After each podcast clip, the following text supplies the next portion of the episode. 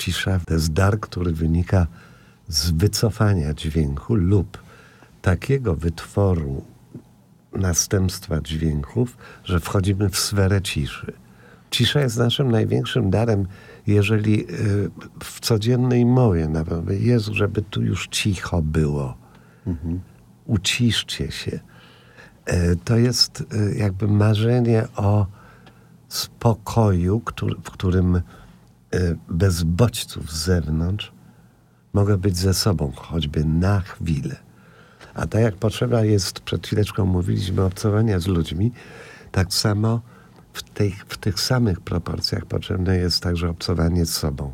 Naprawdę warto się nad, mówię jak kaznodzieja, no, że e, warto się nad sobą także czasem zastanowić. Ale dobra, ja nawet nie trzeba się tak bardzo zastanawiać, jak wyciszyć się od czasu do czasu, żeby nie zwariować.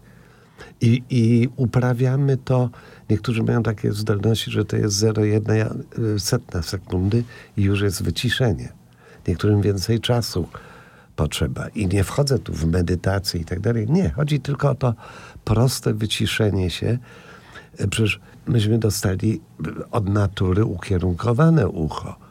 Jeżeli w tej chwili ja słucham, jak pani mówi, to mnie nic nie obchodzi ten szum, który dochodzi tutaj z wentylacji. Ja go eliminuję. Dopiero jak zwrócę na niego uwagę, to on dochodzi do mnie jako też klimat tego miejsca. Ale w momencie, kiedy wsłuchuję się w to, co pani mówi, co mówi yy, wielki redaktor Ilg, to przepraszam, mówię, co myślę i chyba wolno jeszcze. No, no. Do momentu, kiedy zawrzemy kompromis.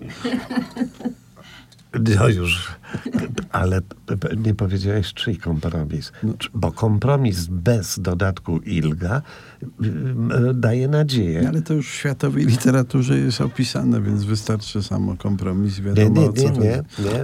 Właśnie światowa literatura rozróżnia. Kompromis i kompromis Ilga. No, no więc ta cisza, a